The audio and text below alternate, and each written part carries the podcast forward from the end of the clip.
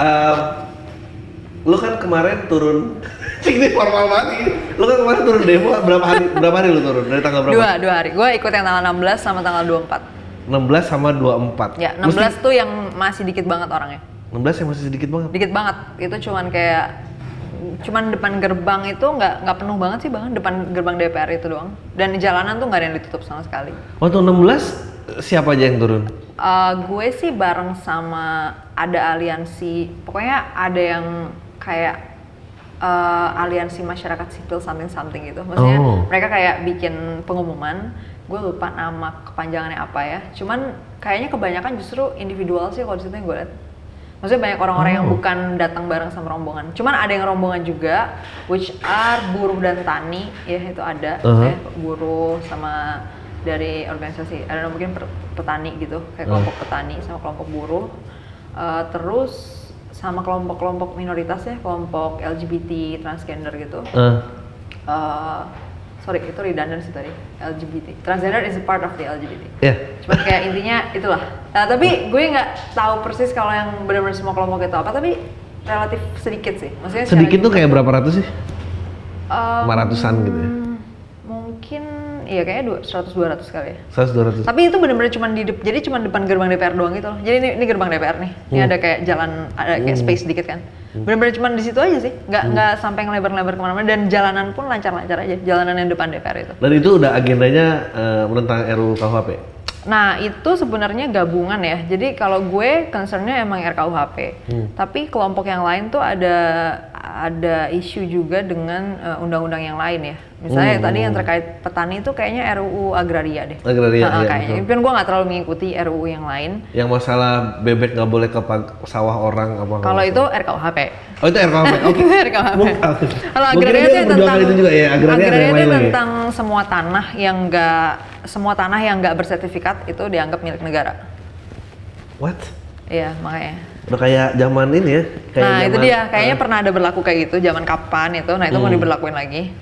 Nah, pokoknya itu isunya yang di agraria. Cuman itu salah satu ya. Kayak ada beberapa masalah lain, cuman gue nggak terlalu belum terlalu ngikutin banget isu yang agraria itu. Tapi eh, selain itu juga ada RUU ketenaga kerjaan. Makanya yang muncul tadi kan kelompok buruh sama kelompok eh, tani tadi ya. Hmm. Ya karena ada dua RUU itu yang jadi isu mereka. Nah kalau gue datang tuh bareng Revina sama anak-anak Geolife. Hmm. Terus gue ketemu Gustika juga di situ. Wow. Oke. Nah itu jadi ini. ya itu kira-kira gue itulah teman-teman gue. Nah terus yang lainnya itu gue nggak terlalu tahu sih ada kelompok apa aja. Nah kalau mahasiswa sendiri yang di tanggal 16 tuh setahu gue cuman ada kayak mungkin tiga kelompok ya, tiga ma- tiga kelompok mahasiswa dan itu pun nggak mereka bukan bawa rombongan gede banget gitu sih.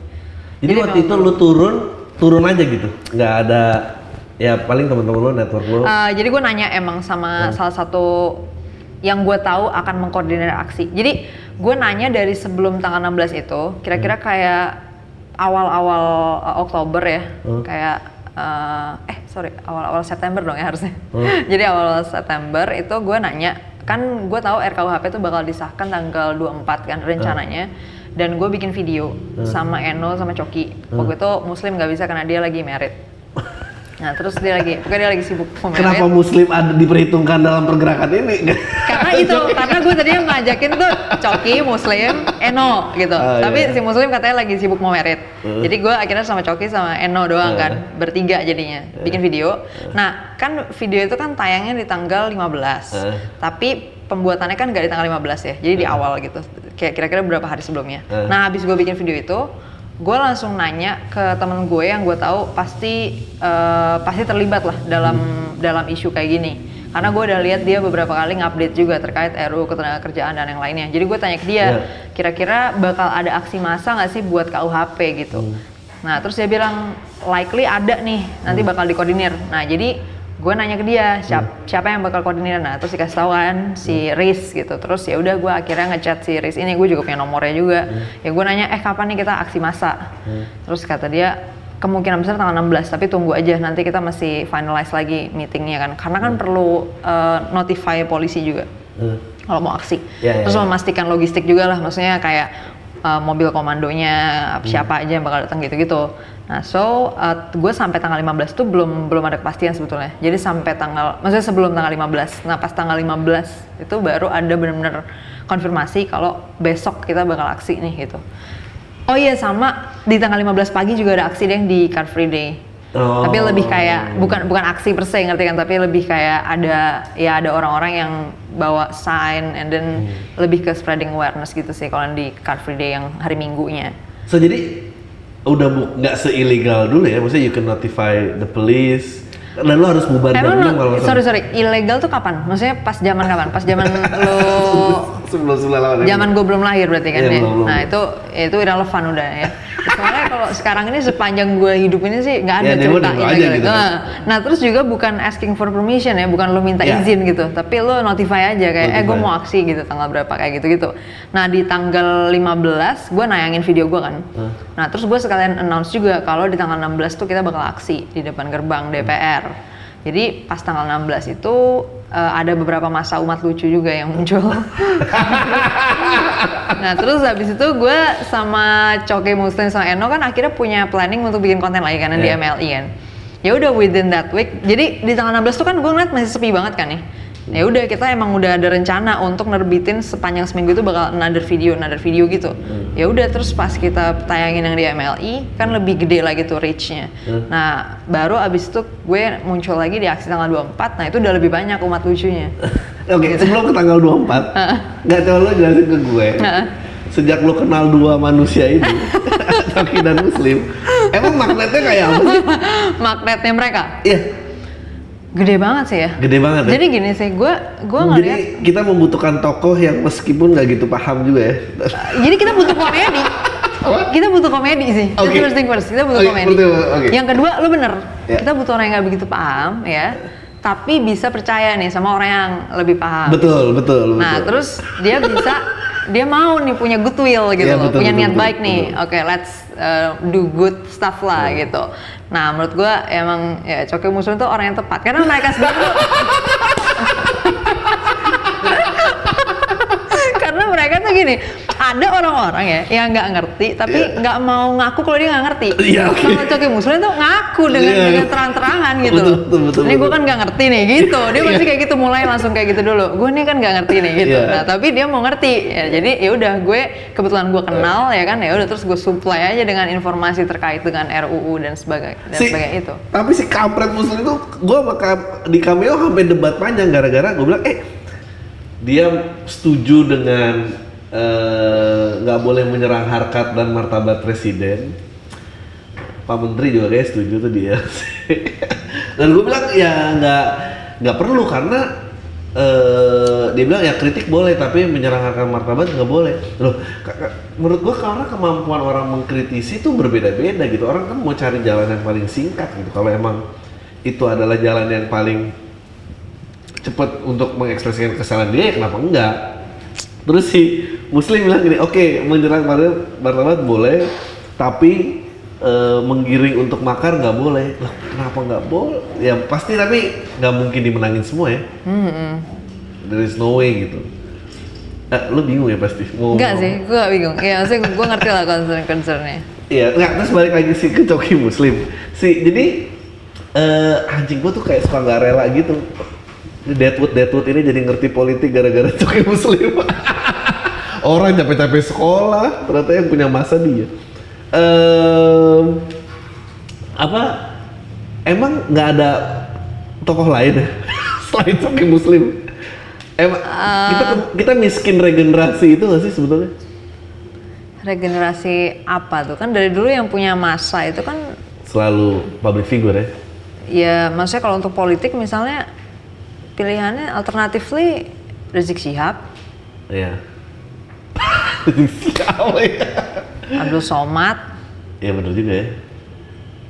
atau ya orang-orang partai gitu yang Yang- udah yang, pop udah punya giri apa punya dan mereka udah udah turun ke dapil bla bla bla gitu kan maksudnya kan ya mereka kan juga membangun itu juga dengan proses juga dan itu kan dari sisi Ya, itu menarik banget. internal negara gitu maksudnya internal pemerintah nah kalau dari sipil kan memang ya pasti public figure. Nah cuman Indonesia tuh belum punya culture kayak Amerika yang di mana public figure itu memang affiliate dengan misalnya Demokrat. Nih nih public figure public Iya, figure iya. Demokrat nih. Jadi gue pun misalnya kalau dukung partai Demokrat gitu misalnya ya gue nggak akan tuh misalnya nonton film-film yang ada artis-artis republikannya. Lo bisa kayak gitu karena Iya, mereka iya, tuh iya, terbuka iya. banget sama kayak Terbuka, gitu-gituan. bahkan brand-brand lo kalau misalnya lo nggak suka sama partai demokrat lo bisa nggak Iya. pernah pakai atau nggak pernah eh, beli brand yang supporting atau endorsing demokrat kayak gitu Iya, jadi eh, apa ya partisipasi politiknya tuh udah mateng lah gitu di semua Ah. tempat tuh lo bisa bisa jelas banget nih untuk lo bisa dukung yang mana. Nah kalau di sini kan emang belum ya, tapi menurut gua we're going there sih, Iya, iya, gitu. iya, iya. Eh, Mulai misalnya ada- dengan buzzer artis-artis asosiasi paling nggak jadi buzzer lah. Iya dan dan bagus sih menurut gue ya bahwa eh, karena gue selalu bilang politik tuh nggak nggak bisa sih lo define ini tuh politik tuh ranahnya ilmuwan politik sama Ya, politician betul. tuh fatal banget sih menurut gue karena ya politik itu basically gimana ya kayak kayak misalnya lo janjian sama teman lo deh mau makan di mana gitu. Hmm. Ya udah lo ngobrol kan sama teman lo, kita makan di mana ya hari ini gitu. Mau makan di mana ya? Iya, iya. Politik tuh basically kayak gitu kan aneh kalau misalnya lo janjiannya berenam, tapi yang boleh ngomong cuma dua orang ini aja nih ngomong tentang mau makan di mana. Padahal keputusan makan di mana itu bakal mengikat enam orang Iya, iya, gitu. iya, Jadi iya, iya, iya, doesn't bener, make sense kalau misalnya suruh isolate. Betul. Makanya waktu Panji ngomong kan lo kan pantas ngomongin ini karena lo punya background ilmu politik gitu. Iya, gue langsung cut, gue Iya. bilang that's not it karena menurut gue ilmu politik tuh adalah yang mengkaji lah. Kalau misalnya lo bilang Betul. bikin paper, bikin penelitian, bikin survei, whatever itu ya oke lah ilmu Hmm. politik. Cuman kalau lo bicara ngerti politik, berpartisipasi politik, bahkan berpendapat kencang-kencang gitu ya, loud tentang politik itu Hmm. harus semua orang memang karena eh, tadi lo bergen mau makan di mana itu di situ gitu Iya, loh, iya. kayak gitu loh maksudnya. Kalau nggak salah gitarisnya Gimana? udah, oke. Lanjut di gitaris tadi Bang. Di mana nih? Oh ya, enggak. Si sebetulnya nggak cuma tentang politik, tapi pengertian tentang hukum juga. Si Tom Morello, gitarisnya Rage Against the Machine ada audio dia juga bilang gitu kayak kalau lo perlu memiliki background hukum dan pengetahuan hukum baru boleh berbicara hukum, ya lu intinya ya lu ya itu nggak benar gitu. Dan gua ngomong gini, by the way gue PhD-nya hukum. Dia dia kesal gitu gara-gara dia diserang bahwa lu kan musician, ya make music aja lu nggak boleh komentar tentang peraturan atau politik apa. Lu kenapa nggak boleh gini gini gini? gini. Ah, apa si apa Nah, terus ini sebelum kita ke ILK ya. Kan lo 16 tuh. Begitu 24 eh, cer- cer- ceritain dong detik-detik menuju 24 26 sih 26 ya? 24. 24 Kalau ya? gue ikut yang 24. 23 juga udah ada aksi, tapi Ya gue 23 datangnya kan tapi sepi gara-gara ada ancaman bom yang dari Jakarta Utara. malah gue nggak tahu itu malah. Iya, itu itu ada berita yang eh, apa ada orang di Jakarta Utara udah nyetok bahan peledak dan dia niatnya mau meledakkan diri ke ke demonstran Hmm. gitu-gitu udah nggak ngerti lah beritanya nggak tahu titipan siapa. Oke, so there is somebody yang nitip ya. Iya, menurut gue ngapain dia ngeledakin diri di demonstran? Eh, maksudnya detik-detik ke 24 tuh gimana sih bisa sampai lu haru nggak rasanya? Di 24-nya. Heeh. Rasanya kayak apa gitu? Iya sih. Maksudnya gue em, eh, poster-poster yang dibawa itu gue bisa relate banget sih. Gue jarang banget bisa relate dengan dengan poster-poster yang dibawa oleh orang-orang ke jalanan gitu. Heeh. Jadi ada aksi-aksi apalah, aksi protes atau apa pun itu bentuknya biasanya gue jarang bisa relate sama apa yang ditulis orang di dalam poster itu. Heeh. Tapi ketika di 24 kemarin tuh gue bisa lihat banyak banget poster yang gue bisa relate banget Hmm. sih. Karena em, orang-orang ini jadi punya kesadaran terhadap em, otonominya mereka gitu loh. Jadi Hmm. mereka bicara tentang tentang bagaimana ruang privat mereka harusnya nggak diintervensi negara. Menurut Hmm. gue itu udah advance banget sih. Itu tuh Iya. masalah dunia pertama gitu harusnya. Iya, first world country. problem. Heeh. problem. Tapi ternyata ada nih rakyat third world world gitu.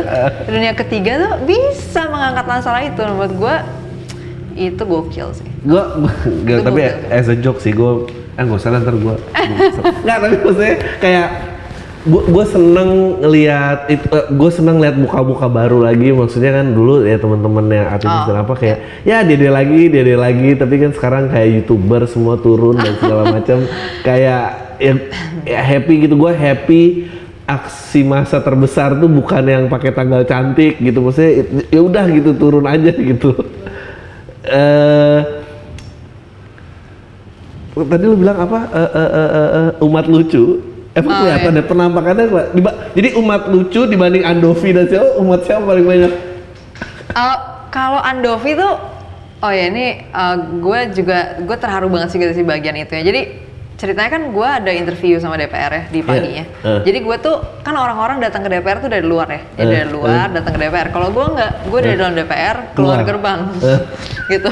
Nah gue interview nih kan ada interview si Andovi itu bang ngechat gue, Eh. eh, Kat gue mau datang buat support lo Eh. hari ini terus gue kayak kaget gitu maksud gue ekspektasi gue kan yang bakal grow uh, influence di level orang-orang influencer ini justru coki muslim tapi ternyata coki muslim tuh malah menghasilkan rakyat jelata gitu nah, gue justru attracting elit-elitnya ini gitu Yeah. yang macam-macam Chandra Leo and, and, and friends lah Nah, mereka punya masa yang sporadik, jadi Hmm. nggak punya nggak punya identitas gitu loh. Betul. Jadi di dalam kerumunan banyak itu mahasiswa, lucu apa identitas itu juga sporadis. Apanya? Ya banyak pengangguran sih tapi. Enggak, maksudnya pada saat mereka lewat ya. Jadi ini bagus banget juga sih karena ada si Andovi dan teman-teman ini. Jadinya tuh gue gampang banget buat nyampe ke gerbang, maksudnya relatif lebih gampang. Uh. Karena pas kita mau lewat, itu orang-orang langsung pada kayak Geser. bergeser gitu, Iya, iya, iya. asik ya. Nggak tahu ya, ya, jadi bisa gampang lah lewat gitu. Nah, terus banyak yang track-track itu kan kayak eh, ya Andovi, Jovi gitu gitu eh, orang-orang itu. Nah itu kan nggak nggak kelihatan identifikasinya masanya Andovi itu bukan. Tapi kalau umat lucu tuh pakai kaos hiya hiya hiya gitu. Dari jarak dari jarak 30 meter 100 meter tuh kelihatan gitu umat lucu gitu ada identitas gitu loh itu beda Keren banget. jadi keren banget. ada ada juga nih dia double identitas ya dia umat lucu pakai kaos hiya hiya hiya pakai alma mater tetap. Jadi double identitas gitu itu gue nemu itu di, di depan DPR itu. Ya itu hasil influencer coke muslim itu. Gue juga seneng kayak j- jadi menurut lo kayak orang yang influencer besar digital now actually udah proven ya bahwa itu bisa ditarik ke Em, iya, menurut gue sih gini sih. Ini, ini yang juga menarik sih ya. Maksudnya selama ini mungkin orang ngerasa bahwa Iya. uh, influence di social media itu nggak akan bisa terkonversi. maksudnya generasi ini tuh selalu Ya, gitu. diremehkan oleh generasi sebelumnya lah bahwa Tapi, iya, lu kurang iya, real lu tapi kurang apa. menurut gue dengan terpilihnya, dengan sorry bukan terpilihnya ya, dengan uh, suara terbanyak yang diraih sama sama Ramani di DKI Iya. di Jakarta 2 Iya. menurut gue itu udah bukti luar biasa sih bahwa Iya, iya, social media itu consist of real people bukan cuma buzzer gitu Iya, loh iya, maksudnya iya. social media itu emang ada orang-orang beneran yang ada di situ dan menurut gue at one point ketika Iya. internet di Indonesia penetrasinya udah 90% atau 80% 90% Iya. ya menurut gue ya udah memang di situ orang-orang real ini akan bunyi gitu loh Eh, menurut lo akan ada kesengajaan untuk diperlambat gitu maksudnya diblokir-blokir maksudnya jalur Oh, informasi iya. apa gitu. Nah itu dia, memang kan dari kemarin kan udah mulai ada ya geliat-geliat kayak intinya pembatasan terhadap uh, ruang internet itu Iya, Papua dibikin pitch banyak black. yang punya Hmm. kepentingan untuk itu. Uh, ya gue sendiri sebenarnya kalau kalau bisa dilakukan sebenarnya enak banget ya kita Hmm. blokir aja tuh konten-konten em, susah nih memilih katanya nih konten-konten yang Ekstrim. Yang nggak masuk akal lah pokoknya doesn't make sense lah. Nggak logis nggak jelas oke, oke. fakta-fakta yang absurd. Tahayul. Eh, orang-orang indigo lah apalah itu. Tapi nggak bisa. If nah tapi kan gue kan, nggak dan iya. bukan cuma itu. Karena menurut gue itu juga doesn't solve the problem gitu loh. Menurut Oh, gue ya kalau gue hitung-hitung lagi nih itu di di di cut dengan satu jalan itu kan kayak misalnya barang aja deh di Hmm. cut dari pasar kan muncul black marketnya selalu selalu nggak pernah nggak terjadi Ya ya, meaning Karena- kalau lo nggak legalisasi prostitusi, dia akan ada di tetap black ada market. Iya, ya? tetap ada demand black market tetap aja di underground tetap ada Kar- karena selama ada demand ya pasti tetap akan supply Ya. itu akan cari jalur untuk ketemu sama Ya. demand itu gitu nah menurut gue di situ sih yang gue nggak percaya bahwa blokir itu bisa menyelesaikan masalah gitu Hmm. nah gue justru lebih suka ya tempur aja terbuka gitu kan jadi Ya. semua boleh muncul bahkan kalau tadi lo bilang misalnya makar apa pun itu menurut gue udah lah munculkan aja kalau misalnya Ya. idenya stupid gampang kok untuk dibantu Ideal tuh chaos tuh menurut gua. ya, ya, ideal tuh chaos karena nggak nggak mungkin nggak nggak mungkin kecuali lu eh, total control gitu. Nah, kalau dari awal bener sih. Jadi eh, ada jangan beberapa. ini ya. Iya, ada beberapa pihak yang kayak gue sempet ya adalah pertemuan-pertemuan yang ngobrol sama orang-orang yang mungkin nanti bakal ada di kabinet juga. Ya mereka kayak mikir apa kita mesti kayak blokir gitu social Hmm. media kayak Cina the way the way China does. Gue bilang telat sih. Telat, Kalau telat, lo mau telat. blokir itu ya waktu masih orde baru, waktu Hmm. internet belum belum banyak yang tahu. Iya. Ah, Tahun-tahun 95 tuh, pas baru anak-anak ITB doang yang punya komputer, yang punya internet. gue tau banget kan laki gue. IF ITB udah punya komputer jawabannya. Anjing. Jadi lu kayak ini ya, pacar eh, apa menikah sekaligus mendengarkan sejarah ya. Iya, benar. exactly, exactly. That's, that's what I like most. That's almost like a foreplay kali ya kalau buat gue. Yeah, that's it. Nah, terus eh, setelah itu jadi penetrasi ke grassroots ke itu kan ya udah udah telat kan. Kayak harusnya di situ kalau dia mau blokir gitu. Pas pas baru dikit itu blokir. Sosial media nggak usah masuk. Facebook dari awal nggak usah masuk. Beda ceritanya kalau dia blokir di awal gitu dengan sekarang. Kalau sekarang ya udah selain telat ya jadi nggak efektif juga sih. Maksudnya yang ada malah backlash luar biasa. Malah meledak ini nanti power dari ini malah separatis semua satu negara. Lu lu terlibat pembicaraan ini sama siapa? Ya gue nggak usah sebut nama Nggak bisa sebut nama, tapi petinggi pejabat negara. iya maksudnya ya circle, Wow, circle gitu. satu lah circle satu lah Halo, gue Adriano Kalbi, gue seorang stand up comedian dan lu semua lagi dengerin podcast Awal Minggu. Podcast Awal Minggu menggunakan Anchor untuk memproduksi podcast. Anchor adalah perusahaan milik Spotify yang memudahkan setiap orang untuk bisa terjun ke dunia podcasting. Anchor merupakan platform all-in-one dan gratis di mana lo dapat merekam, menyimpan, mendistribusikan, mengukur performa, dan menemukan beberapa sponsor. Jadi buat lo yang pengen bikin podcast, gue saranin lo download Anchor. Karena itu gratis. Gue tunggu podcast lo dengan aplikasi Anchor. Maksudnya mereka tuh agak pusing dengan gini loh. Misalnya, gue ngerti sih concernnya. Hmm. Ada informasi-informasi yang memang bikin kacau gitu. Karena Betul. karena publik tuh belum punya filter yang solid ya dari Betul. di dalam pikiran mereka. Sehingga ketika baca belum benar bacanya gitu Iya. loh. Ketika ngeliat fakta, bedain fakta opini nggak Iya, bisa iya. kayak gitu. Ini kan clearly this is opinion, this is fact, tapi Iya. nggak not that clearly buat so many people gitu loh. Jadi uh, akhirnya menimbulkan ya kacau balau lah jadinya ya mungkin at some point ya menjadi menjadi pemukulan kekerasan ya bahkan kayak misalnya isu Meliana kemarin gitu Hmm. yang kemudian rumahnya jadi dibakar itu kan bisa aja sebetulnya bukan karena Betul. event aslinya yang Betul. di awal itu bukan karena dia mengkritik speaker masjid per se tapi Iya. karena ketika dia mengkritik itu terus orang semua berpendapat nah Iya. ini yang kemudian meledak di sosial media WhatsApp segala macam jadi gue ngerti ada permasalahan memang yang muncul Iya. eh, dari eh, bertemunya antara supply yang kacau ini dengan dengan pa- pasar yang nggak siap menghadapi itu. Hmm. That's right, emang ada masalah itu. Tapi menurut gua kalau di address dengan pemblokiran sekarang udah telat, Telat, gitu telat, maksudnya. telat. Nah jadi masalah yang disampaikan oleh pemerintah pun ya menurut gua realita gitu ya maksudnya bahwa itu memang ya memang Iya. faktanya itu memang masalah sih gitu Hmm. dan kalau kita mau address dengan orang bilang pendidikan dan segala macam tentu aja takes time ya maksudnya ya Lama, bakal ada lama. waktu yang cukup Iya. lama untuk Itu kayak itu. apa jujur untuk memberantas korupsi anjing lama banget ya. Iya, iya. Cuma semua sih banget. orang tuh jujur gitu. Bisa, kan itu bisa, kan susah banget kan. Masa pendidikan iman dan takwa biar jadi caranya kalau menurut gua biarkan oposisinya tumbuh. Nah, misalnya contohnya kalau sekarang ide-ide radikal misalnya. Menurut gua tuh yang bisa ngelawan itu ya justru ide-ide idea, seberangnya. betul. Iya, Iya. oposisinya. Betul. Nah, tapi problemnya dengan penodaan agama susah oposisinya mau tumbuh, ya nggak? Iya. Ngomong gini, Ya, penodaan agama, ya nggak? Itu, itu yang Ngomongin paling lu, ini penodaan agama. lu itu yang paling lu perjuangin ya dari Iya, semua. Hapus harus penodaan agama. Udah nggak ada Ah. lagi ceritanya. Udah nggak ada dia. Iya, karena nggak ini yang paling bullshit sih menurut gue sih. Orang sering ngomong kayak gue kayak gini, udahlah kan lo ngomongin politik aja nggak usah ngomongin agama. Oh, bullshit menurut iya. gue.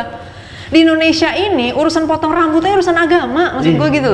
Iya, well- Ngomong ngomongin politik ngomongin agama tuh apa maksudnya? Kemarin kemarin juga eh, kita bikin idea fest eh, teman kami naik Sam Eh, Sam tuh juga ngomong loh nggak bisa agama dan politik nggak bisa dibilang God glory gospel itu politik dan agama kok Ya itu jelas. Itu Ya, jelas, pada maksudnya- saat eh, Eropa ya. iya masuk maksudnya ya. Eh, u- udah terjadi dari zaman dulu gitu Nah, kan dan orang- itu tidak bisa eh, orang ekspektasinya kan ketika itu udah selesai yang zaman kan sekularisme habis Hmm. itu kan terus ya udah kita bisa pisahin nih. Nah tapi problemnya adalah di Indonesia memang belum sih gitu loh. Maksudnya gimana caranya mau misahin orang dalam semua isu itu masuk sebagai framework Hmm. gitu loh maksud gue ya emang Indonesia tuh kayak karbitan gitu ya maksudnya kayak tiba-tiba terbuka informasi terus banjir informasi internet tapi kemarin gua ngeliat gua tuh ngalamin gua waktu itu mungkin 14 kali 14 15 waktu kerusuhan 98 oh lo udah 15 tahun ya ya ada 15 tahun Gue Eh, kayak masih 2 tahun. ya. Jadi Sialan. gue nggak bisa Enggak, tapi, relate Dri. tapi tapi gue bisa bandingin kayak demo kemarin berapa hari Hmm. karena informasinya terbuka kita tuh nggak blackout. Jadi Hmm. ekonomi jalan semua ini maksudnya Iya semua udah tahu gue gue juga ngeliatin kayaknya rupiah akan eh apa rupiah akan anjlok Akan rupiah akan anjlok, anjlok ah. rupiah nggak anjlok. Karena waktu gua rasa sih 98 begitu blackout semua jadi pa- panik gitu. Gue inget banget di komplek gua ronda 24 jam. Jadi anak kecil sama orang dewasa ganti-gantian gitu. Jadi anak kecil harus berkeliling komplek. Begitu malam dewasa yang keliling komplek. Karena kita nggak tahu titiknya di mana ininya jadi apa.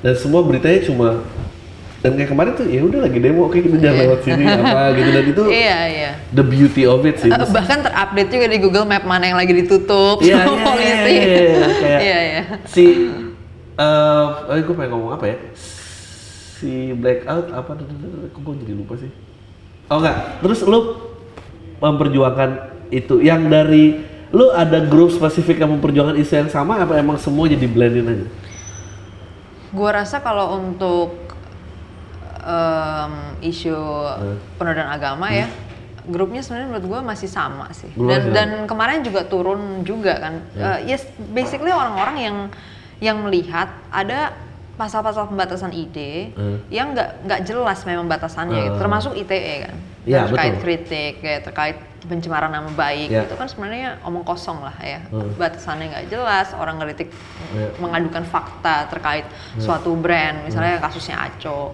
Ya. itu juga kena gitu kan Ya. nah terus kalau misalnya penodaan agama kita juga lihat kasus-kasusnya Lia Eden misalnya Hmm. bikin agama baru kena penodaan agama itu kan logikanya di mana gitu orang orang bikin agama baru maksud gua bingung di situnya loh iya pasti nggak ide lawan ide aja kan gitu Iya, dan, dan maksud gue kan dari selama ini kan kita juga udah tahu kalau Yesus itu kan ada yang bilang nabi, ada yang bilang Tuhan gitu. Oh, iya, iya, iya. Maksudnya lainnya aja kita biasa aja gitu loh. Maksudnya bukan berarti kemudian ketika Islam muncul kena penodaan agama kan. Ya nggak sih kan Kristen kan duluan. Kristen bilangnya kan Yesus itu Tuhan. Islam muncul bilang ada nabi terakhir namanya Muhammad. Yesus ini bukan Tuhan, Yesus itu nabi aja namanya Isa.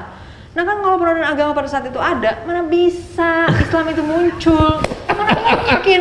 Ya langsung dikat kayak Lia Eden gitu loh. Iya, bener. Ya mana mungkin dia udah pasti langsung Progresif. dipenjara, dipidana, udah di-cut. Orang nggak bisa namanya itu penodaan agama terhadap agama yang ada pada saat itu. Kalau kalau ini bukan mau ngajak berkonspirasi tapi kalau dari opini lo pribadi ya apa sih yang berusaha di-achieve negara dengan meristrik dengan memberikan peraturan-peraturan ini Ya supremasi agama yang ada kalau terkait Oh. penodaan agama ya. Ya jelas itu kayak ibaratnya Alfamart boleh kampanye kenceng-kenceng ya speakernya delapan. Bayangin speakernya delapan, Andri. bukan satu loh speakernya loh, delapan speakernya loh. Iya bisa radius berapa meter denger semua dia kampanye coba. Tapi Indomaret nggak boleh kampanye, lu bayangin kayak gitu lah kira-kira Dri coba. Anjing ini orang- konten ini bahaya banget loh ini gue nggak tahu sih cara batas kayak gini gimana serius coba. iya. Ya enggak, bener, bener, gue ini kita fair aja coba. Iya. gimana cara lo membantah? Ini nggak bisa maksud gue ketika pun misalnya Indomaret itu jelek pun, ya kasihlah dia kesempatan gitu. Misal ya kan, Indomaret mau misal ya, ya seru. Kenapa kenapa takut gitu loh? Kayak gitu. Maksudnya kalau gue jadi pemilik Alfamart, ya gue justru tersinggung ada undang-undang ini. Apa jelek banget apa brand gue sampai Indomaret nggak boleh ngiklan gitu loh maksudnya, ya nggak? Dan gue bingung kenapa orang-orang dari agama-agama besar kan yang dilindungi itu ya. Jadi dalam Iya. penodaan agama tuh agama yang sah di Indonesia yang dilindungin. Jadi kalau lo kepercayaan ya agama-agama Iya. baru Flying Spaghetti Monster nggak mungkin boleh kampanye ya. Spaghetti Lima Monster. agama besar ini yang boleh kampanye. Nah kan kalau gue jadi posisi mereka, justru gue tersinggung lah harusnya sama pasal ini ya? Apa emang agama gue sehancur lebur itu sampai orang mau kampanye nggak boleh gitu?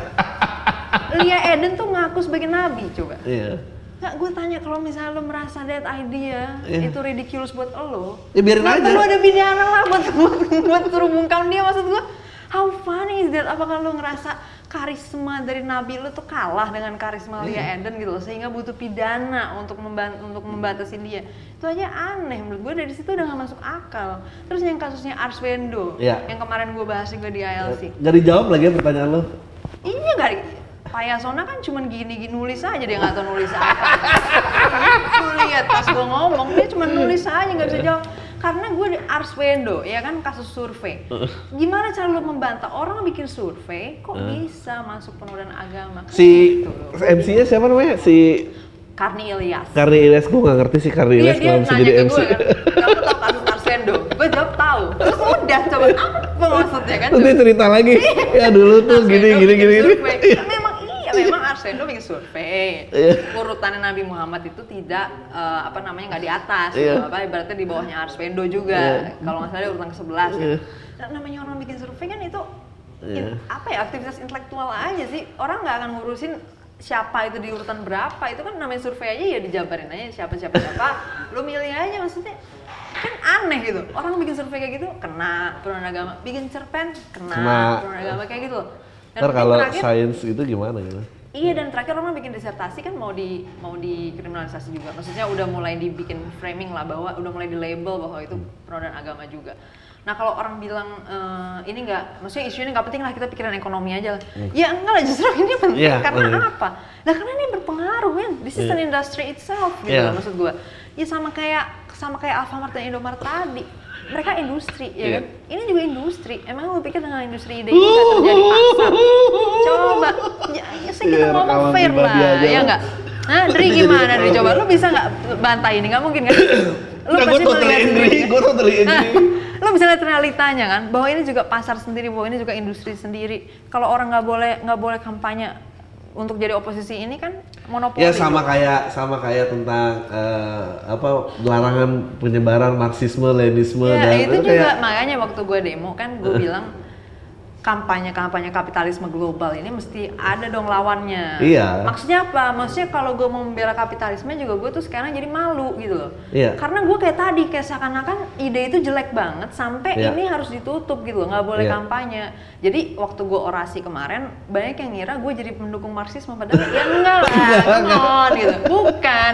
Iya. Gue ngomong di, di di mobil komando itu maksudnya adalah marxisme. Biarkanlah kampanye supaya Iya. apa? Ya supaya orang-orang liberalisme, orang-orang kapitalisme ini ada lawannya gitu loh. Iya. Masa mereka suruh ngomong-ngomong sendiri kan kayak seakan-akan idenya jelek banget gitu loh, Hmm. sampai harus ditolongin, maksudnya gitu. Tapi kemarin ada yang salah paham dikit, jadi kiranya gue dukung marxisme. Enggak sih. Cuman gue mendukung marxisme untuk kampanye. Iya iyalah, Kayak maksudnya gitu. semua boleh bersuara. Soalnya ya nggak tahu ya, mungkin takut kali ada banyak badan-badan usaha yang mestinya free market tapi ternyata memonopoli gitu ya. Jadi lu nggak boleh ngomongin yang lain. Nah itu loh maksud gue kan. ya intinya intinya market. sebetulnya eh, pembungkaman yang diincar tuh power ya. Maksudnya gue selalu penasaran gitu motivasinya apa Iya gitu. kan itu semua kan ada ada gini ya. Ada selalu ada lapis masyarakat yang memang jujur, maksudnya Hmm. genuine suka misalnya sama marxisme, ada yang suka sama kapitalisme kayak gitu. Hmm. Tapi kan selalu ada lapisan elit yang udah punya eh, kemenangan-kemenangannya sendiri dalam aturan yang ada sekarang, dalam Iya. rule yang ada, dalam nilai-nilai yang ada. Sehingga kalau ada nilai-nilai yang membantah itu, ya mereka kalau bisa kalau bisa jangan ada gitu. Karena gue udah nyaman nih dengan aturan ini. Hmm. Nah, di situnya sebenarnya sih menurut gue memang kepentingannya itu sama kayak tadi soal yang lo bahas soal hukum misalnya. Hmm. Nah kan sebenarnya aneh ya kalau hukum itu cuma diomongin sama Elit. elit atau orang yang ngerti hukum itu kayak kayak lo main main poker gitu. Hmm. Gue nggak dikasih tau aturannya. Iya. Iya, yang tahu aturannya lo doang sama sama satu lagi ada nih pengantar gitu. Ada Iya. perantara lah perantara antara gue sama lo. Iya. Yang Iya. kita sebut sekarang pengacara, ya kan? Heeh. Ya menurut gue yang paling punya kepentingan hukum itu rumit, nggak bisa dimengerti itu pengacara sih. Karena mereka tuh brokernya gitu loh. Coba kalau gue ngerti hukum kan gue aja sendiri langsung Iya, betul, debat betul. aja langsung di pengadilan gue sendiri. Tapi karena gue nggak bisa ngerti, hukumnya juga rumit ya minta ampun. Iya. Informasinya cuma terbatas di dalam di dalam circle orang-orang Iya. pakar ini. Ya gue terpaksa harus bayar dia dong. Ya, Nah, the kayak idea gitu. of bahwa ses- uh, uh, harus ada profesional to take care of something itu sebetulnya absurd karena you are the professional gitu tentang duit lo, tentang hukum lo, tentang whatever itu Iya, ya. at one point itu mesti dibuka aja. Tapi Iya. kan, kalaupun gue misalnya butuh, ya itu boleh aja tetap ada jasa Betul. itu kan. Nah menurut gue eh, tetap ada pasti ada dua baris sih. Maksudnya pasti ada pengacara yang memang berkualitas dan nggak takut Hmm. dengan keterbukaan informasi. Nah ada pengacara-pengacara yang memang kurang berkualitas gitu sehingga hanya memanfaatkan ya ini Hmm. keberadaan hukum yang nggak dimengerti oleh banyak orang kayak gitu. Yang paling berkesan dari tanggal 24 apa? Yang paling berkesan buat gue di tanggal 24 sih apa ya? Hmm, tuntutannya sih menurut gue yang ada di poster-poster itu sih. Poster-poster uh, the way generasi lo cik gitu kayak generasi lo Iya, generasi gua dong. yang generasi lo Gen Z kan 95, 95 Eh. sampai 2010. Ya, jadi lo nggak masuk mengekspresikan ini ya mengekspresikan perasaannya dan apa ya Deng- dan ya maksudnya deng- sangat personal menurut gue sih. Ah, Maksudnya oke. what is interesting adalah gini, biasanya isu yang diangkat ke, ke dalam Hmm. ya ke depan DPR gitu, ke depan negara itu kan isu-isu yang publik banget lah gitu ya. Hmm. Isu-isu air, isu-isu Iya. tanah, sumber daya alam, Berat energi ya. gitu kan. Iya. Eh, kenaikan BBM Iya. gitu. Kalau ini isu yang sangat personal gitu, bahwa negara harusnya nggak mengatur pilihan pribadi gue. iya Nah menurut gue itu sih yang paling berkesan. Eh, lu pernah lu bisa cerita lu tahu nggak ya cara cara ini dimobilisasi itu bagaimana kenapa tiba-tiba Nah di- itu di- dia sih. Kalau orang bilang mobilisasi, yang paling mungkin mobilisasi terjadi itu cuma kelompok mahasiswa menurut gua. oke Dan itu kelompok biasanya lain yang nggak bisa ya Kalau gue ya, gue kan waktu di UI juga sempet di Kasrat juga ya, Hmm. di FISIP. Jadi gue tau lah kira-kira konsolidasinya tuh gimana. Biasanya tuh BEM akan ada rapat dulu sih. Hmm. Jadi mereka juga ada rapat dan konsolidasi juga. Jadi kalau ada fakultas yang nggak mau ikut juga it's okay gitu. Hmm. Nah, habis itu yang mau ikut ya udah tinggal di eh, koordinasi aja sih, kayak tanggal berapa, jam berapa kumpul di mana gitu-gitu. wow Paling gitu sih sebenarnya yang terjadi mobilisasi itu itu aja. Itu pun cuma dalam rang, dalam konteks eh, janjian gitu ya kayak tadi lo mau janjian di mana ya gitu. Itu cuma dalam konteks itu aja sebetulnya. Tapi siapa yang mau ikut, siapa yang nggak mau ikut itu udah dinyatakan secara terbuka. Kalau nggak mau ikut ya nggak apa-apa juga kayak gitu. ada ada tindakan yang nggak necessary dari eh, aparat Em, atau Gini, menjadi menakutkan gue gue ngerasa ke- mulai ada chaosnya itu ya itu pada saat ada terjadi bakar-bakar. Cuman gue nggak tahu itu siapa yang melakukan. Iya, karena nggak iya. kelihatan. Jadi dia tuh di balik tembok tol gitu. Hmm, hmm, nah terus tiba-tiba ada bakar-bakar gitu. Hmm. ada yang bilang itu mahasiswa ada yang bilang itu orang nggak jelas dari luar barisan. Hmm. nah gue nggak tahu nih yang mana yang benar ya. Pokoknya terjadi itu akhirnya agak chaos tuh. Karena eh, polisi jadi mesti ngurusin itu dong ya kan? Jadi mesti, mesti ada pergerakan nih. Karena ya ada api gitu kan. Betul. jadi itu mesti mesti ada yang take care of. Nah dari situ udah mulai jadi ada chaos tuh. Terus ada mahasiswa-mahasiswa yang kayak usil gitu sih menurut gue sih. Kayak gedor-gedor tiba-tiba kayak gitu-gitu. Hmm, hmm. nah terus kayak polisinya emosi gitu kali ya. Hmm. jadi tiba-tiba pas lagi digedor-gedor usil gitu langsung langsung water cannon or something. Gue langsung langsung gerak gitu. Hmm. nah pas gerak itu gue udah nggak langsung terlalu merhatiin detailnya karena gue kayak langsung kabur gitu karena gue persis Eh. banget di situ. gue eh, bahkan kameramen gue tuh hampir kelempar something gitu. Jadi kayak antara mahasiswa sama polisi kan ada kayak ribut-ribut nggak jelas gitu. Nah kayaknya ada yang lempar-lempar batu or something ke arah polisi juga. Nah itu kameramen gue tuh udah nyaris kena itu karena kita benar-benar benar-benar lagi mau cabut dari situ gitu. Terus abis itu langsung udah sih langsung kayak kayak water cannon gas gas air mata langsung kayak gitu-gitu. Langsung dari chaos yang habis bakar-bakar itu tuh udah langsung ke belakangnya udah hancur lebih gitu pokoknya. Dan ini, ini lompat-lompat ya gue pas lo diundang lagi ke ILK em, ILK. ILK nggak lu kenapa sih eh ILC ILC deh, ILC. ILC kok ILK sih ILK apa sih Indonesia. Oh iya nih, sorry salah gua. Itu punya Pak Maman ya ILC. Eh, ken- kenapa lu masih mau diundang sih? kenapa gue masih mau diundang Eh. ke ILC Iya. kalau gue sih gini awalnya gue planning untuk datang on time Hmm. ya that's first thing first gue planning untuk uh, menyampaikan perspektif gue Hmm. dan mungkin sejumlah orang yang juga terwakili lah dengan uh, pemikiran gue atau ya keberatan gue lah terhadap terhadap revisi KUHP. Hmm. Nah jadi rencananya tuh udah rapih nih awalnya planningnya gue bakal ngomong kayak gini ini kira-kira gue bakal cover kira-kira bagian ini bagian ini. Nah cuman di hari H itu kan uh, forumnya itu persis di hari H demo. Iya. Nah, gua tuh terjebak di DPR kan posisinya. Eh, ada blokir-blokir, ada gas air mata segala macam. Gua nggak bisa ke mana-mana tuh posisinya. Akhirnya gue telat. Hmm. Nah, karena kondisi gue udah telat, akhirnya ya udah gue cuman berusaha membawa eh, perspektif yang kira-kira orang belum bahas lah. Nah, salah satunya pasti penodaan agama. Gue gue tuh selalu seneng liat lo di TV karena lo kayak jadi eh, sumber awkward dalam satu studio gitu. Kayak gak ada yang berani ngangkat, ada nih satu perempuan kan, ngomong kayak anjing lo orang ngomong. Iya, gue udah tahu. Gue udah tahu pasti gak ada yang ngomong itu, nggak karena ada yang ngomong. Iya. dan itu pun orang selalu bilang bahwa em, kok gua apa namanya nggak nggak seberani itu kayak atau apa gitu kan maksudnya ada komentar-komentar kayak gitu lah terkait gue di ILC padahal secara isu menurut gua Itu paling gila men menurut gua. Gak ada yang ngangkat itu gitu.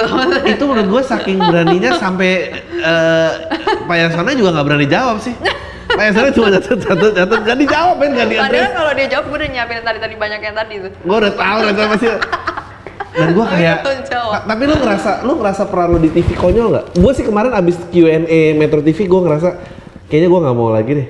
Nggak mau lagi dalam artian eh, segenuine itu. Kalau mau kita bikin a show aja sekalian. Oh, iya. Karena this is a show, this is a fucking show gitu. Hahaha. Le- let's let's make attraction out of Iya, it iya, gitu. iya. Gue nyesel banget to be opinionated dan dan jujur karena anjing men ini lawakan men semua gitu. Re- Iya. Revolution kayaknya nggak akan terjadi di TV gitu.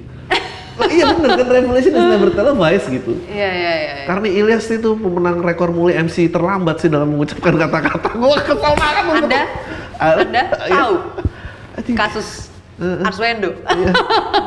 Condescending sama anak itu. Gua bilang, lu nggak boleh gitu dia dia tuh full grown woman lu nggak boleh ngomong kayak gitu. Gue rasanya udah Iya iya I know. Um, masih konyol gak sih? kalau ya tampilnya? gimana ya? Kalau kalau gue sih ngerasa gini. Um, it's like apa ya? Throw a dart aja sih maksudnya. Throw a dart Just aja. in case ada orang yang penting, ada orang yang punya power nonton itu gitu. Hmm. Menurut gue perlu sih dia tahu bahwa uh, publik tuh ada kok kepentingan yang kayak gini, bukan Hmm. cuma yang kayak gitu doang. Karena kan pasti ya most of the law yang ada itu kan pasti kan yang leaning, yang punya kecenderungan ke nilai-nilai yang udah umum gitu kan, atau pandangan-pandangan yang udah umum lah. Hmm. Nah menurut gua harus ada suara yang bawa pandangan yang belum umum gitu. Hmm. Ya sebagai challenge aja sebenarnya kayak tadi aja sih. Kalau misalnya dunia udah dikuasain Apple kan, ya we wish that Samsung say something lah gitu loh. Eh. Maksudnya kayak gitu. Jadi gue sih kalau untuk ILC per se ya itu memang goalnya ya re- represent aja sih, represent pandangan yang jarang banget. Ya mungkin mustahil lah dibawa sama orang lain selain gue TV. Tapi lu tuh gak ada takutnya? Gak ada takutnya ancaman fisik atau eh, mengeluarkan opini lu atau Jujur apa? aja habis penampilan gue di ILC yang sebelumnya, Hmm. yang pertama, kayaknya gue udah nggak takut lagi deh. Oh ya? Karena gue udah ditunjuk-tunjuk sama ibu-ibu berjilbab di Citos, di Citos. Kalau di Kokas lantai dasar yang eh, Iya. LG, gue masih inilah Oke lah. jaktim kan itu kan. Citos, Dri, maksud gue. Siapa Ini ini anak orang nggak tahu, nunjuk-nunjuk gini di Citos gitu? Teriak-teriak apa ibu-ibu tuh? Nggak tahu ngomong apa, kayak bisik-bisik sih. Maksudnya nggak teriak, tapi sambil nunjuk-nunjuk gue gitu. And I was just, oke. gitu, tapi ya ancaman fisik itu kan waktu itu juga ada ya, udah banyak lah. Maksudnya dari yang video gue yang sakit naik, Hmm. yang sekarang gue private by the way. Iya kan? Jadi jadi berlindungnya harus self censoring kan gitu. Eh, iya karena nggak terutama lo harus ngerti momentum sih. Oh, Maksudnya oke. kalau ada momentum di mana orang-orang mulai mau gerakin masa nih, Hmm. nah konten-konten kayak gitu take down semua deh. Hmm. Karena mereka butuh tadi lu bilang kalau lu bicara mobilisasi ya, Iya. orang kan butuh simbol nih Iya. untuk memobilize ya untuk Iya. untuk orang-orang ini bisa bersatu, let's unite against Iya, iya. this gitu kan. Nah waktu itu kan orang-orang lagi pada mau apa tuh ya arahnya ya, yang mau mau konsolidasi juga gue lupa mau pilpres kayaknya deh or Ah. something. gue udah tahu nih, nih orang-orang ini bakal mau nge-unite suara-suara dari barisan ini Iya. dengan simbolnya nih si betina pembela LGBT dan seks bebas Kania Cita Irlani gitu. Jadi video gue ditaruh di semua media-media mereka. Itu, jadi gue tuh baca dari situ. Oh berarti dia ngikutin ini untuk mobilize ini. Abis itu gue selalu take down setiap kali ada momentum untuk orang-orang mobilisasi massa. Oke. T- tadi kita ngomongin mobilisasi ya, terus lo ngomongin coki musim Iya. mobilisasi. Apakah Oh, iya. apakah gue nggak mau bilang diumbar tapi apa ya kata yang tepat ya? Gimana Hmm. gimana? appeal se- apakah lu secara sengaja menunjukkan sexual appeal untuk memobilisasi memobilisasi Sexual appeal. Iya. Di mana tuh maksudnya? ya Lewat. kan banyak ya di maksudnya lu- a lot of people find you hot dan gue juga kadang-kadang bingung sih. Iya. Gue tuh yang waktu di ILC itu, Iya. gue baca komen-komen ya, gue agak bingung kok masih ada yang komen gue seksi gitu. Iya, iya. Padahal rambut gue udah gak karuan habis kena gas air mata dan Ah. gue pakai kaos habis dari demo gitu. Gue Ah. bukan pakai baju yang I don't know sama kelihatan Ah, belahan ah. or something like that. Gue gak ngerti di situ sih, to be honest. Dan gue tanya sama laki gue, the way dia jawab tadi cuma kayak gini dong. I've told you for so many times, you are a natural oh oke itu aja kayak I don't know a natural Maradona Beaming kind of jadi thing semua. sex symbol gitu. jadi lu pakai kaos pakai jeans still gitu dia bilang kayak gitu gue gak ngerti sih itu tapi be, be, be careful Indonesia kalau saya lu gunting-gunting itu kan membuat yes, orang yes speakerphone-nya gue gunting ya kan sih kalau itu bukan kalau Oh. itu kalau itu eh, hampir semua kaos yang dikirimin orang-orang yang gerakan-gerakan gitu ke gue biasanya gue gunting sih emang. Oh, oke. Karena gue Risih. ngerasa lebih Tapi cocok, bukan lebih bukan cocok di nggak ada lengan gitu. tapi bukan Di gue karena ya, kayak- bukan karena untuk memobilisasi. kalau itu fashion taste aja sih kalau bagian itu ya. Tapi kalau lo bertanya secara umum misalnya, eh, gue nggak pernah, eh, maksudnya bukan gimana ya? eh, jadi kadang bahkan gue nggak ada intention untuk eh, Hmm. untuk tampil seksi, tapi tetap aja orang ngerasa gue seksi. Sebenarnya agak susah itu dipakai untuk mobilisasi massa. Enggak. enggak, enggak. Gua mau gua baru mau bilang bahwa itu sangat efektif. Oh. Eh, efektif dan dan dan Karena kok gue ngerasa enggak. enggak, enggak bukan Soalnya jadi bukan salah fokus gitu loh. dan bukan ada bukan ada bu- eh, gua nggak tahu ada studinya apa tapi dulu waktu gua di Australia eh, average professional man eh, mempelajari politik dan apa yang terjadi di parlemen Hmm. paling efektif itu majalah seksi Masa sih? iya Maksudnya gimana? jadi Majalah dewasa gitu. majalah dewasa di majalah dewasa jadi kan Gimana, mereka gimana? selalu ada artikel seriusnya tapi oh, majalah dewasa tuh Iya, dan makanya waktu itu sampai eh, kabelnya gue lupa bahkan ada naked news. Uh, is, Oh, is gitu this ya? how men works aja gitu. tapi iya Kayaknya- sih. Ya maksudnya kalau lu kalau lu baca yang secara evolusi kan ya memang memang pasti inilah. Maksudnya tetap aja ada primitive urge yang ke arah sana kan. Iya. Jadi ya be honest gue nggak mau Oke. mengubah. Maksudnya gue nggak mau mengubah. Gue jadi kayak gimana nih gue surgery or something supaya nggak seksi lagi gitu. I think that's okay. Menurut gue that's okay. Dan juga eh, stance juga sih.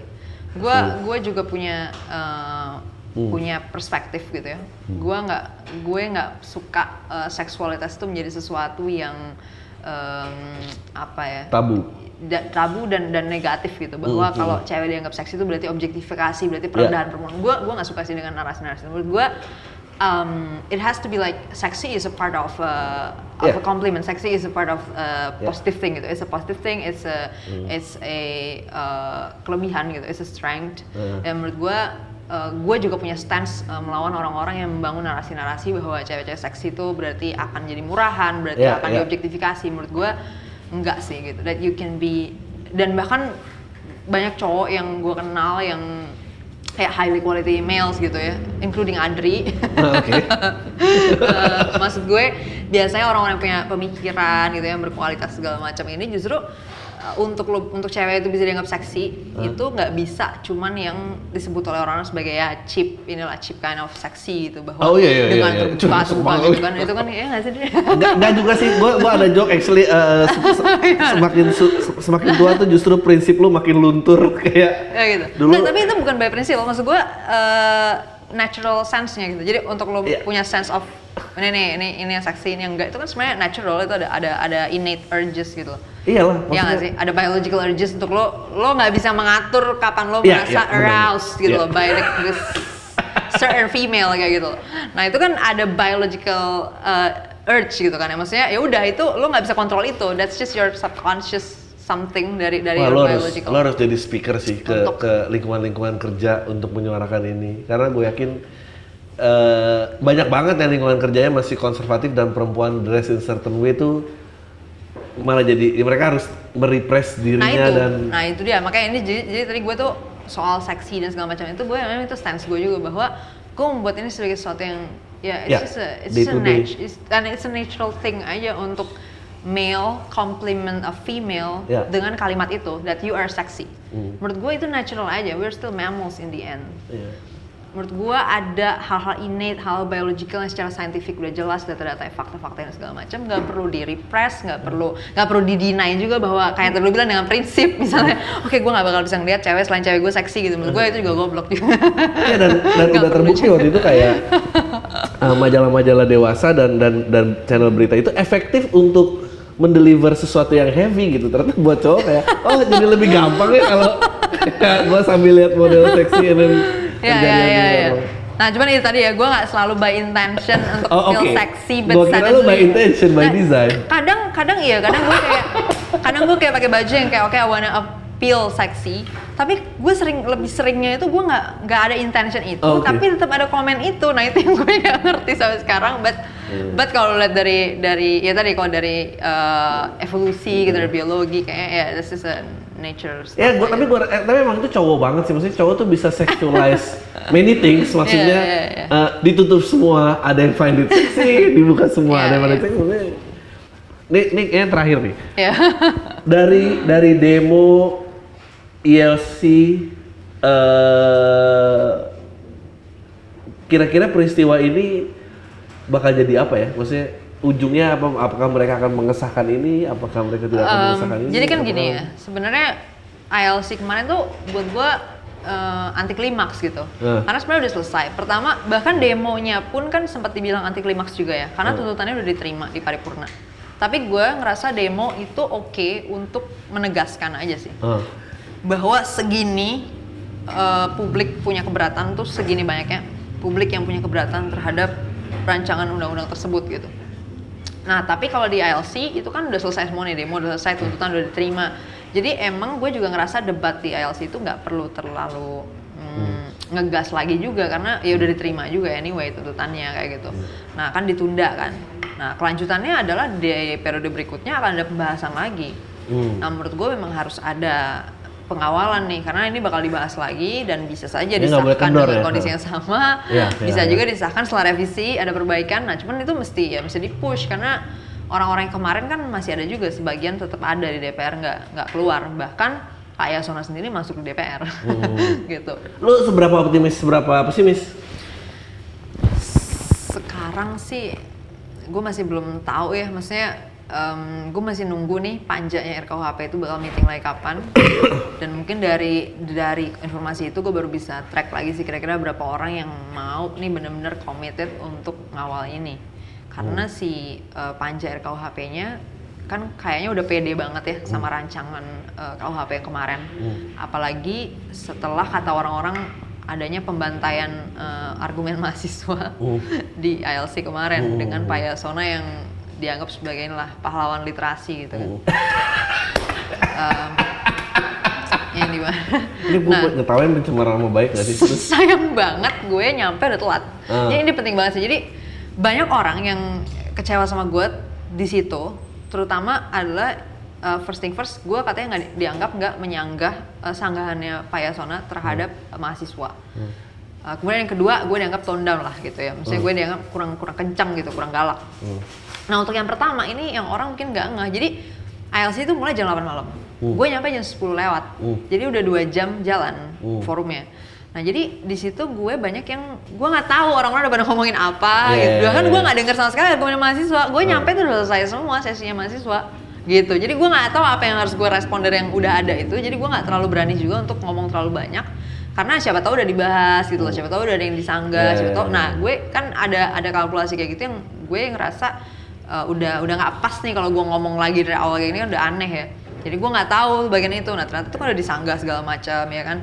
Nah akhirnya animonya bisa aja nih udah turun lagi dan kemudian ada mahasiswa mahasiswa hukum bla bla bla yang sok-sok meluruskan padahal lebih belok lagi daripada yang Iya, kemarin belok Iya. lebih parah itu beloknya. masa menyanggah soal penghinaan presiden sanggahannya tapi eh, itu perlu dipahami bahwa itu delik aduan kata mereka ya memang siapa yang bilang Iya. itu bukan delik aduan memang dari awal memang kita tahu udah delik aduan but the point Poin itu gak perlu ada. Iya di poin itu nggak perlu ada karena delik aduan pun ya presiden berarti bisa bebas dong ngaduin siapa aja yang menurut dia nggak benar itu. iya. Jadi sanggahan dari anak-anak sokot anak-anak hukum yang mau meluruskan ini masyarakat luas ini, menurut gua malah lebih belok lagi daripada apa yang kesalahan yang gue tak gue akuin ada kesalahan ya, maksudnya sesuai dengan yang udah dikritik sama Pak Yasona juga. Iya. Tapi mereka itu nyangganya malah lebih nggak karuan naik ke mana-mana, termasuk yang soal penghinaan, terus soal yang eh, kohabitasi atau hidup bersama di luar nikah.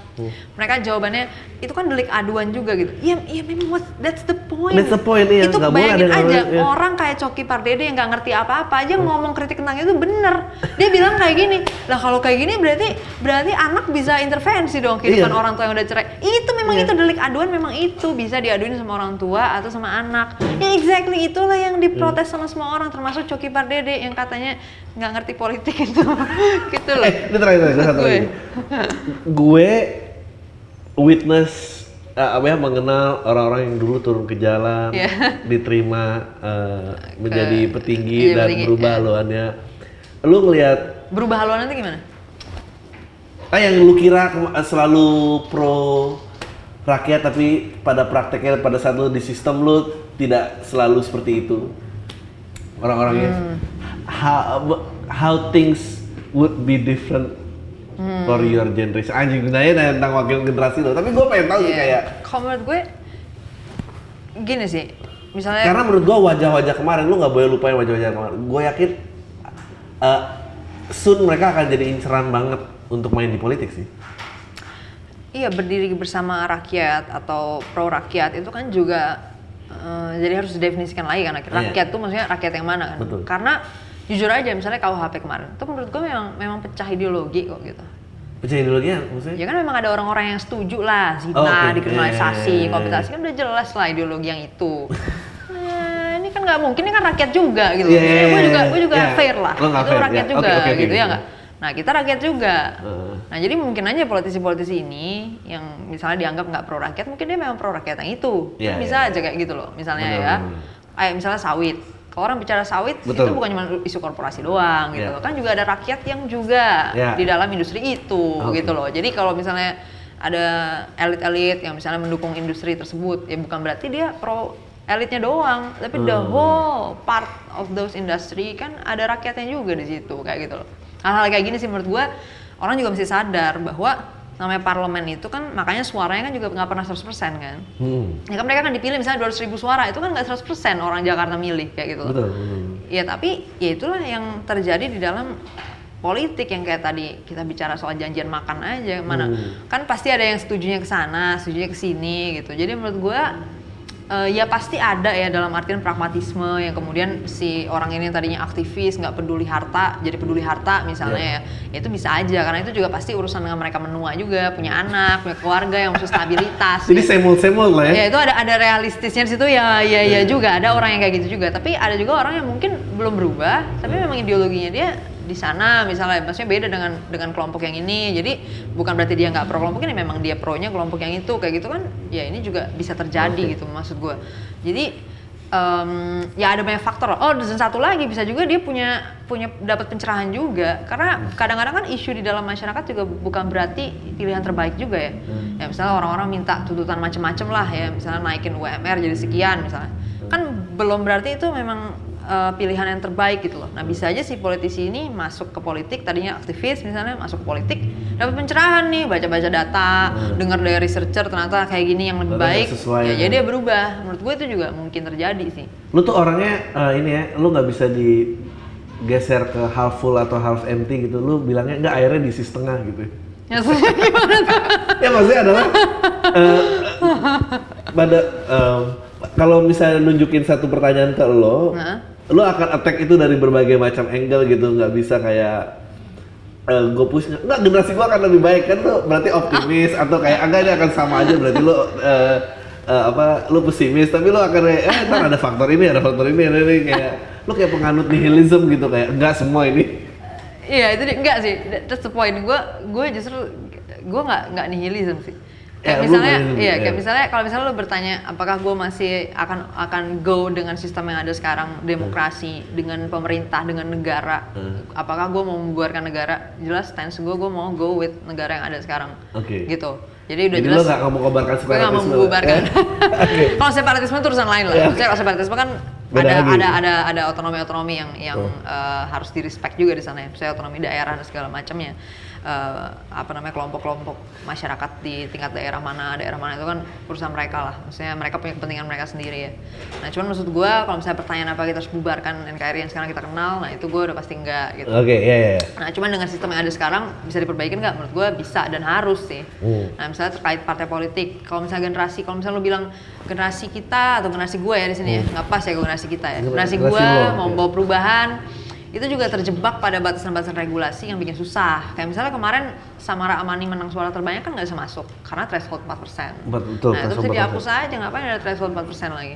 Ya, Udah benar, biarin benar, aja benar. orang semua langsung aja vote ke anggotanya, nggak usah mikirin lagi partainya persentase berapa enggak, itu nggak itu nggak nggak ada relevansinya di mana relevansinya gitu Iya. kan. Apa relevansinya nggak ada? Jadi itu harusnya dihapus aja. Nah regulasi-regulasi yang bikin susahnya jadi barrier to entry gitu loh. Masuk ke dalam politik itu susah banget. Nah itu harus harus dihapus nih regulasi-regulasi ini. Baru kita bisa bilang bahwa full ini adalah pertempuran yang bebas ya Iya. free market gitu untuk orang-orang Keras baru banget ya, generasi gua mau masuk. Tapi kan kenyataannya nggak terjadi. bisa. Nah, jadi gue susah kalau misalnya dibilang ini generasi lu. Lah enggak lah ini Lu belum generasi tempur mau? gua gimana? Hah? Nyemplung ke politik mau? Nyemplung ke politik. Lah gua kan dari politik dong. Lo udah di politik ya? Ya maksudnya kan gua kan Maksudnya gua kan udah bareng sama Coki Muslim. MLI itu udah lembaga politik cuy. iya, jadi udah. Lu berarti udah politik juga. Iya, kita iya. udah nyemplung berarti. Iya, udah nggak oke. perlu tanya lagi kita nyemplung atau enggak. Gila lo. Ada bajunya sendiri. Iya, iya, iya. Dan mau itu iya iya pakai alma mater Iya, itu dan itu beda loh sama bendera yang dikibarin yang kemudian ditangkap kan. Nggak Iya. ditangkap kalau iya iya iya nggak ditangkap. Nah, itu. Eh itu strategi politik terbaik itu. Eh, kalau iya iya apa ditangkap sih bingung banget gimana ceritanya deh yang ke bendera. Iya. Tapi kalau nanya apakah masuk ke institusi gitu Iya, kan, masuk misalnya jadi. DPR, gue sih so far nggak belum ada belum ada uh, keinginan ke sana sih. Iya, ya karena salah. juga, ya benar kata lu juga lah Dri, maksudnya lu juga ngerti lah kita bahasa ya style itu kan juga belum tentu masuk ke segmen Hmm. yang udah akar rumput. Nah sementara kalau lu mau ke institusi tuh ya lu harus di akar rumput. Ya menurut gua kita levelnya ya influence. Hmm. Lebih efektif coki muslim masuk institusi, institusi ya? Karena lebih Iya, grassroots. akar rumput. Nah, kan kan Coki Muslim maju, ya kan Coki Muslim yang maju, tapi kan pemikirannya kita udah jelas lah, kita bisa konsolidasi. Dia yang maju gitu. Lu kebayang gak sih posternya muslim pakai peci 18 cm gitu poster Kebayang, caleg? kebayang, pasti. Nah itu, tinggal milih partainya aja nanti Tinggal kan. Kalau masih ada pecinya tuh. threshold 4% ya susah nih. Kalau ada threshold 4% susah ya? Iya, susah. Harus Kayaknya boleh ini bisa nih. sih nembus threshold 4% sih kayaknya Bisa, bisa. MLI Bisa, bikin partai dulu. Bisa. ya udah, ya. bagus. Dan, Oke. dan cut. MLI jadi, oh, jangan lupa klik, ah gak usah ya? Enggak. Mau ngomong klik subscribe. Oh ya. Ayo serius? Enggak, Kamu kamera. Oh, ya, kamera, kamera. Ya. Ya Allah ya Tuhan. Beritanya dapat. Oh, thank you semua buat. Eh, thank you semua for watching. Bos. please. Eh, Ah, ya. Satu, dua, tiga. Gue tuh balik nggak bilang lagi. Thanks for watching. Jangan lupa klik subscribe dan komen podcast awal minggu di Majelis Lucu Indonesia. YouTube Majelis Lucu Indonesia. Udah, udah, udah. Tutup dong kameranya. Enggak, enggak usah. Apa? Gua tadi gua dulu nggak pernah ngerti lah ya, kayak ngapain sih orang kayak begini. Oh fokus ya Allah. Oh, yang make up itu ya.